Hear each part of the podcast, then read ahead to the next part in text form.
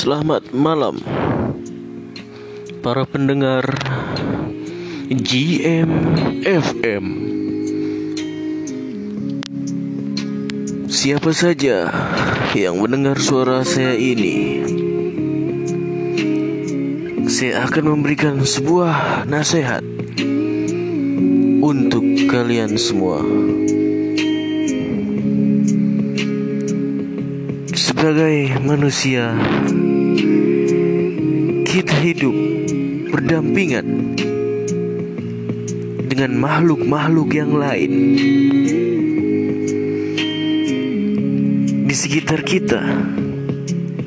Banyak sekali makhluk-makhluk yang mungkin dan memang memerlukan uluran tangan kita. Selain manusia, ada makhluk-makhluk lain, terutama hewan.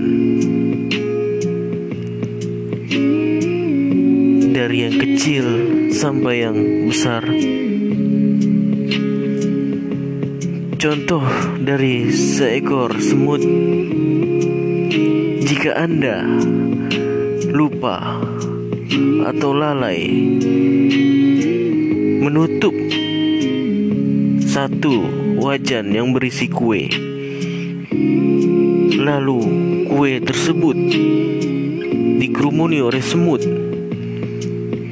Maka biarkanlah semut itu memakan kue tersebut.